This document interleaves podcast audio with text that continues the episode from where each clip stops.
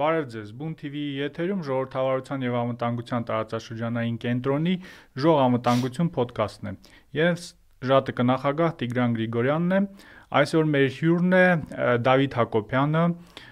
պետական շինարարության State Building-ի ժողովրդավարության մասնագետ, ով երկար տարիներ աշխատել է ՄԱԿ-ում,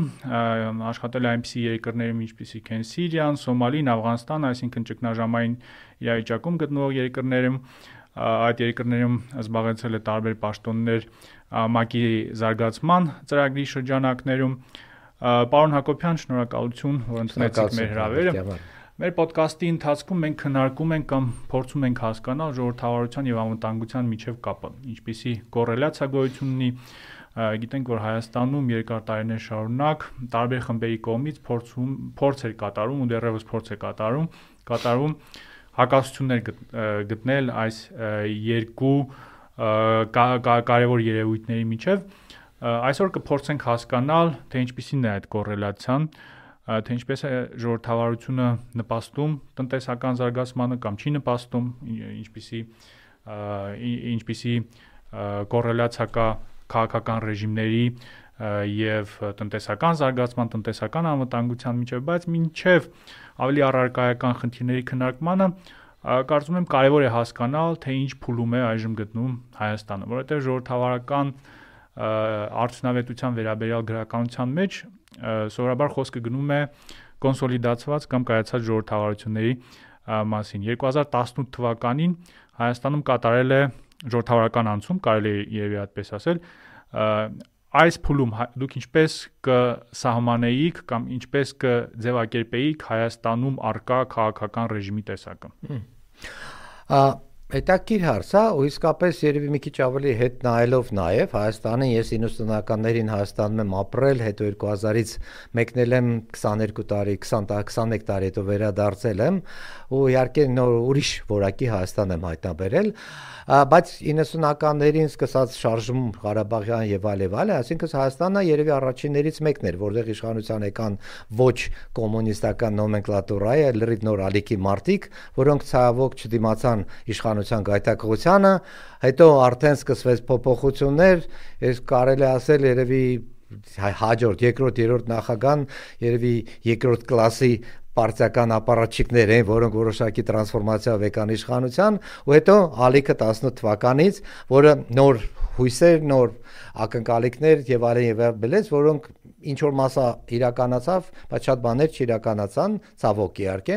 մասնավորապես իհարկե պատերազմի ցավալի պարտությունը, ինչքանով դա մեր ոչ կատարյալ դեմոկրատիայի հետևանք էր, թե ավելի լուրջ ուրիշ ավելի լուրջ է, ուրիշ հարցերի կուտակված խնդիրների արտահայտում էր։ Դա կարելի է առանձին քննարկել,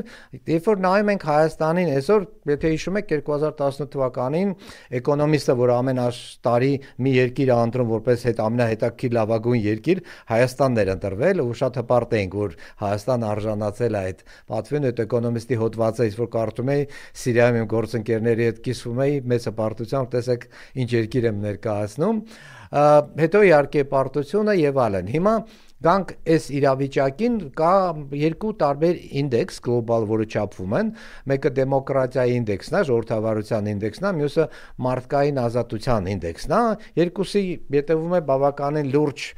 ֆորմուլաներ, հա, հաշվելու մեթոդիկաներ, դա նաև տնտեսական ազատությունն է, դա անտրական process-ների թափանցելիությունն է, դա իրավունքն է, օրենքի իշխանությունն է եւ այլն եւ այլն։ Բազմաթիվ ու տարբեր ձևերով չափում են Հայաստանը սովորաբար, եթե ընդհանրենք 30-ից 80 երրորդ տեղերում ա եղել ու ոչ թե միայն 18-ից հետո, այլ նաև մինչև հետել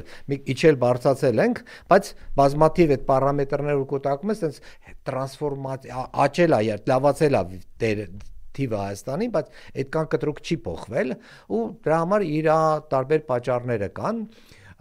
ու եթե խոսում ենք կատարյալ դեմոկրատիա, բնական է Հայաստանը դեռ այդտեղ չի, երբ այդ 160 երկրները, որ չափում է 20-25-ն են, որոնք կայացած ժողովրդավարական երկրներ են համարվում, մոտ 30-40 երկիր կա, որոնք ասես մոտեցել են, բայց դեռ այնտեղ չեն, հետո կան, որոնք իմիտացիա են անում ժողովրդավարությունը ու կա բացարձակ դիկտատորական ավտորիտար ռեժիմներ, հա, պետականության այդ չափման, այսինքն Հայաստանը հետաքրքիր էր այդ մարդու ազատության ինդեքսում, ենթա ենթադրենք կարծեմ Հունաստանից առաջա, Բուլղարիայից առաջա, Ռումինիայից առաջա, Եվրոպական միության երկրներից մի շարք երկրներից առաջա։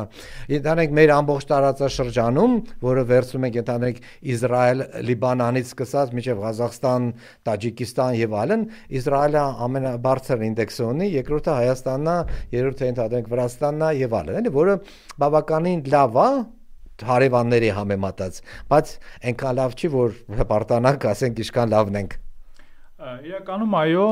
ժողովրդավարության ժողովրդավարական անցումների ուսումնասիրող, ինչպես նաև ժողովրդավարությունների ուսումնասիրող տեսաբանների մոտ տարբեր մոտեցումներ կա այս հարցի վերաբերյալ կամ մինիմալիստական մոտեցումը կամ ընթացակարգային մոտեցումն է մոտեցումը, որտեղ շեշտը դրվում է ընտրությունների վրա, այսինքն դու եթե ունես ազատ ընտրություններ, ուրեմն կարելի է քեզ համարել ժողովրդավարություն, բայց կան մի շարք այլ կազմակերպություններ, որոնք ավելի բարդ մեթոդաբանություն են օգտագործում, շեշտը դնելով որակական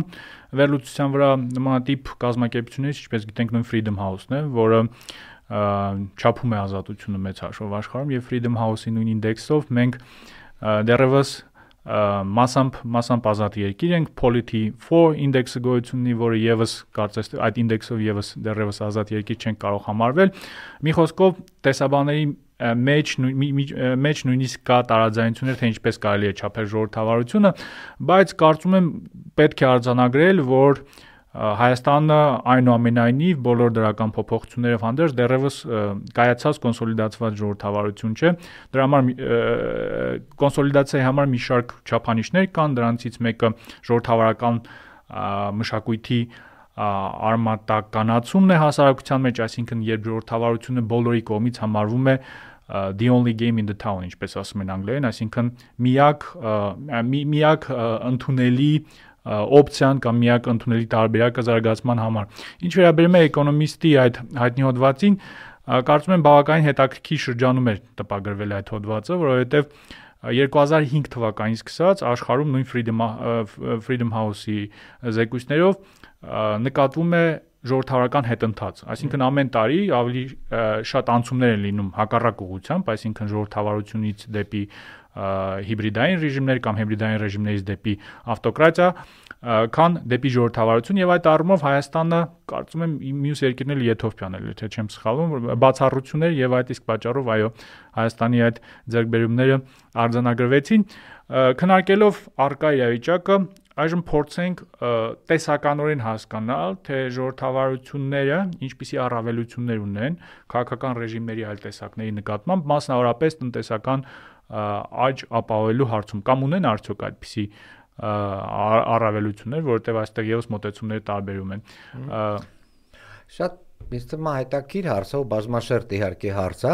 Ես միշտ հիշում եմ Չինաստանի Դեն Սյաոպինի ասացվածքը, որ ասում է կարևոր չի կատուն սևա թե սպիտակա, կարևորը մուկալա բռնում,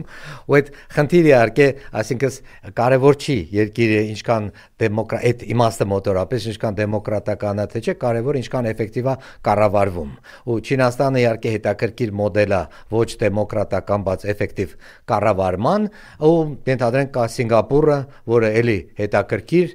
որտեղ ենթանանք Չինաստանում կա տրադիցիա 3-4 հազար տարվա մերիտոկրատիայի տրադիցիա, այսինքն որտեղ իշխանության ընտրվում էին հատուկ process անցած մարդիկ, որոնք կառավարում էին, մինչև հիմա էլ ի տարբերություն ենթանանք սովետական բյուրոկրատիայի, որ վերջում ծնեց արագ մահացող բացարձակապես անպտուղ ղեկավարներ, Չինաստանում շատ հետաքրքիր ձևով նեղ շրջանակներից ընտրվում են համեմատաբար լավ առաջնորդներ, որոնք կարողանում են երկիրը առաջ տանել։ Սինգապուրը Լի Կուան Յուն էլ ինքը համարյա բացարձակ իշխանություն ուներ մեծագույն հարգանք թե երկրում թե աշխարհում, բայց համարում էր, որ երկիրը քանի որ ինքը ներքին կենտրոնախույս շատ ուժեր ունի, դեմոկրատիայի չափից դուրս աստիճանը կարող է բերի քաոսի եւ անկառավարելիության ու ի վերջո սկսեց 600 դոլար մեկ շնչին ընկնող հնավ, հիմա կարծեմ 80 հազար է եւ այլն եւ այլն, էլի մոտ 60 տարում հսկական թրիչ կատարեցին Կա ենթադրենք Իսրայելի օրինակը, որը դեմոկրատական է, ինչպես ասեցի, բայց ենթադրենք արաբական 20% բնակչություն ունի, որի հետ այդքան է դեմոկրատական չի վարվում, որոշակի պատճառներից ելնելով, ու դա էլ իհարկե խնդիր է առաջացնում։ Հիմա ինձ թվում է այդ այսինքն դեմոկրատական լինելը ինձ թվում է կարևոր է, բայց ոչ անհրաժեշտ միակ պայմանն է, ու ենթադրենք Չինաստանի, Սինգապուրի օրինակում առանց դեմոկրատիա հնարավոր է էֆեկտիվ կառավարում ունենալ։ Նաև կարելի է հիշել սովետ սովետական միությունը ընդանենք Ստալինի հաղթանակը ոչ դեմոկրատական սովետական, բայց էլի ոչ դեմոկրատական Գերմանիայի հանդեպ, բայց նաև Սպուտնիկ կամ եւ այլն էլի այդտեղել ու այն ժամանակ դեռևս པարշ էր, որ մոդելն ավելի էֆեկտիվ։ թվում է կարևոր ֆակտորը, այսինքն դեմոկրատական կլիկա պետքա լինի, բայց նաև պետքա էֆեկտիվ լինի։ Ու դեմոկրատիաները կարան շատ դեպքերում ոչ էֆեկտիվ Սալվադոր Ալենդեի Չիլինա կտրը լավ օրինակ է, երբ որ բացարձակ քաոս առաջացավ 72 թվականին Որ? Հնդկաստանը օրինակ։ Հա, Հնդկաստանը օրինակ, բայց հիմա այս վերջերս Հնդկաստանը որոշակի ավտորիտար էլեմենտներ մտցնելով բավական ավելի էֆեկտիվ է կարողանում կառավարի։ Նույն Ամերիկայում Տրամպը ու իր աշատար օրինակ դեմոկրատիայի արդյունքներում ոչ միշտ ամենավորակյալ կառավարիչներն են, հա, գալի իշխանության կամ նույն Բրազիլիայում եւ այլ եւ այլ, ու այդ տարօրինակ մեծամասնության կողմից ընտրությունները որոնք շատ դժվար է տրամաբանությունով հասկանալ, մեկ-մեկ բերում են բավականին մեծ կորուստների նաև տնտեսական առաջընթացի, կառավարելիության, հասարակության ոնց որ միավորման առումով, քանի որ իրենք նույն Տրամպի օրինակով ինքը բավականին բան էր, բաժանող էր, ինքը ՆԱՏՕ-ի հետ բաժանում էր իրեն ամենամոտիկ հոգեհարազատ կերպարները դա Հյուսիսային Կորեայի կամ Սաուդյան Արաբիայի առաջնորդներն էին, ոչ թե եվրոպական ու Ամերիկայի համար, բայց պարզվեց Ամերիկայի մի զգալի մեծ ամասնություն ընտրական ընտրում է Իրան այն ժամանակ ամենանդեպս ընտրեց Իրան այսինքն այդ կարգի ելևեջներ լինում են հիմա մեր մոտ ինձ թվում է գալով մեր կոնկրետ խնդիրներին մենք այդ ցավերի process-ի մեջ ենք այսինքն մենք դեռևս չենք կարողացել ճիշտ դեմոկրատական մոդել, այսինքն կարևոր էլեմենտ, մի քանի էլեմենտներ ասեմ, իսկ մա առաջինը, ու այդ միշտ մեր մոտ կտկրվում է, որ հաղթողը վերցնում է ամեն ինչ, որը շատ մեծ խնդրեմ է։ Հա, հա, այդ բանա ու ու այսինքն մեր մեր այսինքն ինքը քանի որ հաղթող է ինքը թե դատական իշխանությունը թե տնտեսական լծակները թե միզյան եւ այլը եւ այլը ինքը վերցնելով կարող է դոմինանտ լինի ու չթողի որևիցե այլ ուժ ծնվի, զարգանա, աճի ու մրցակից դառնա։ Նույնը Թուրքիայում, Թուրքիան իհարկե ինձ թվում ավելի հասուն դեմոկրատիա, ցավոք դի ասեմ, այդ առումով չնայած իր մեծ թերությունները ունի ու բավականին մոտիկ թվեր էին, բացի վերջո Էրդոգանի իշնորիվ նրա, որ ինքը շատ ավելի մեծ ռեսուրսներ ուներ, շատ ավելի մեծ կառավարելություն, մեդիա եւ այլն կարողացավ ընտրվել, բայց 52-48 մենք այդ կարգի մոտիկ ընտրություններ իսկ չի թվում թե երբևէ ունեցել ենք։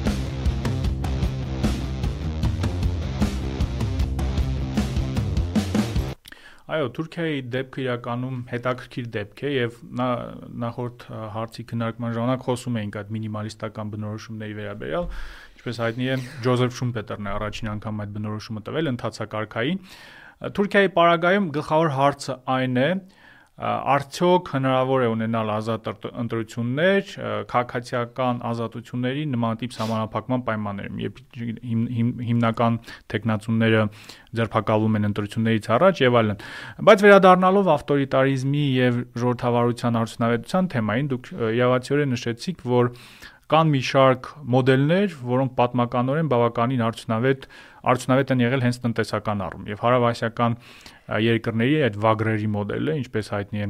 հայտնի են դրանք շատ է ուսումնասիրել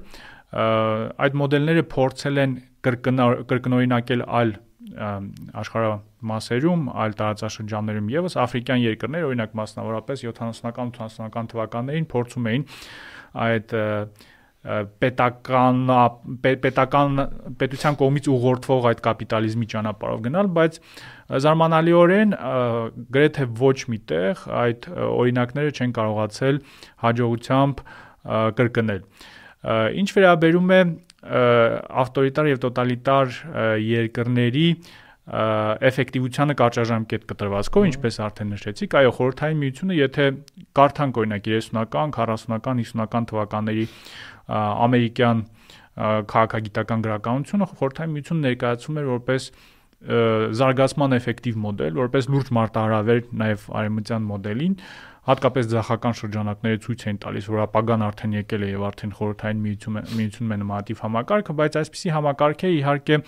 արդյունավետ են ինդուստրիալ զարգացման փուլում, այսինքն երբ պետք է ռեսուրսների մոբիլիզացիա, երբ կարելի է, չգիտեմ, չվարձատրվող աշխատանքի միջոցով հասնել արագ նպատակների, Բայց ժամանակակից աշխարհում իհարկե այդ մոդելները այդքան էլ էֆեկտիվ չեն, որովհետև մենք գտնում ենք post-ինդուստրիալ զարգացման փուլում աշխարհը մտել է այդ փուլ, այսինքն կոպիտ ասած հնարավոր չէ մոբիլիզացնել ռեսուրս եւ ստիպել գիտնականին, որպեսզի ստեղծի iPhone կամ նմանատիպ այլ նորարարական product։ Համաձայն եմ ձեզ հետ նաև ժողովրդավարության, որ չի կարելի նույնականացնել ժողովրդավարությունը արդյունավետության հետ, նշեցի նույն Հնդկաստանի օրինակը, որ երկար տարիներ շարունակ լինելով ժողովրդավարություն աշխարհի ամենաաղքատ երկրներից մեկն էր։ Բայց ժողովրդավարությունը այնուամենայնիվ որոշակի մինիմալ առավելություններ ունի այլ ռեժիմների նկատմամբ, օրինակ նույն հնդիկ տնտեսագետ Ամարտյասյանը նշում է, որ որևէ ժողովրդավարական երկրում երբեք սով չի եղել։ Այսինքն դա հաստատված փաստ է։ Պատճառը այն է, որ այն կառավարությունները, որոնք վարում են քաղաքականություն, որը կարող է հասնել սովի, շատ հաճախ կորցնում են իշխանությունը մինչև այդ հատվածին հասնելը։ Երկրորդ խնդիրը ավտորիտար ռեժիմների հետ կապված կայունության խնդիրն է, քաղաքական կայունության, այսինքն երբ դու ճունես ինստիտուցիոնալ մեխանիզմներ իշխանափոխության, եւ Չինաստանը այդ առումով հետաքրքիր բացառություն է, որովհետեւ մինչեւ վերջերս նրանք ունեին այնուամենայնիվ իշխանափոխության ինչ որ ինստիտուցիոնալ մեխանիզմ, երբ երկրի ղեկավարը երկու ժամկետ մնալուց հետո գնում է։ Հիմա այս ղեկավարը կարծես թե խախտել է այդ չգրված օրենքը եւ լուրջ դժվարություններ կարող են լինել։ Ժողովրդավարություններով այնուամենայնիվ կան ինստիտուցիոնալ մեխանիզմներ եւ քաղաքական ճգնաժամերը հնարավոր է լուծել հենց քաղաքական գործիքակազմի կիրառման միջոցով եւ այդ առումով իհարկե կարծում եմ կքննարկենք դեռևս տնտեսական ներդրումներ ներգրավելու առումով ինչ որ նորարարական IT ծրագրեր, ծրագրերի համար հաբ դառնալու համար կարևոր է ունենալ հենց նմանատիպ ինստիտուցիոնալ կառուցված։ Շատ հետաքրքիր է ձեր նկատառումը հայաստանյան ներկա մոդելի մասին, որովհետև մենք կարծես թե գնացել ենք խորհրդարանական կառավարման մոդելի ճանապարհով, բայց այնուամենայնիվ այնուամենայնիվ ունենալով այն իրականություն, այն իրողությունները, որոնք ունենք մեր տարածաշրջանում, փորձ ենք կատարել այդ խորհրդարանական մոդելը եւս դարձնել դե ֆակտո նախագահական, այսինքն եւ վերահսկողությունը գտնվում է ամբողջությամբ գործադիրի գործադիրի մոտ եւ այդ առումով անհասկանալի ինչ որ համակարգ է ձևավորել։ Հիմա փորձենք հասկանալ, թե Հայաստանը կարճաժամկետ, միջնաժամկետ եւ երկարաժամկետ կտրվածքով զարգացման ինչպիսի ուղի պետք է վերցնի, ինչքանով է կարևոր տնտեսական զարգացումը Հայաստանի համար անվտանգության ապահովման հարցում եւ ինչպես եք ընդհանրապես դուք տեսնում Հայաստանը, ո՞րն է Հայաստանի ապագայի տեսլականը, ո՞րն է կարելի ասել Հայաստանի իմիջը արտաքին աշխարհի համար։ Երկու դիտողություն անցնեմ հետո դրան, հա։ Առաջինը ինձ թվում է, երբ որ էլ այդ մոդելների մասին խոսում ենք, շատ հետաքրքիր մոդելը Հոնկոնգը մինչև Չինաստանի կողմից կլանումը եւ Սինգապուրը, Հոնկոնգը լրիվ լիբերալ դեմոկրատական սկզբունքներով զարգացող ու Սինգապուրը ուրիշ ավտորիտար սկզբունքներով ու պարզվեց երկուսն էլ շատ հաջող են։ Այդ լինք Դեն Սյաոպինի նաև ասացվածքինի հետևանք դա կարևորը Չինաստանի նաև ստեղծագործ, դենալին Չինաստան TikTok-ա ստեղծել կամ ինչ որ ուրիշ բաներ, որ վերջին շրջանի զարգացումն է։ Նախկինում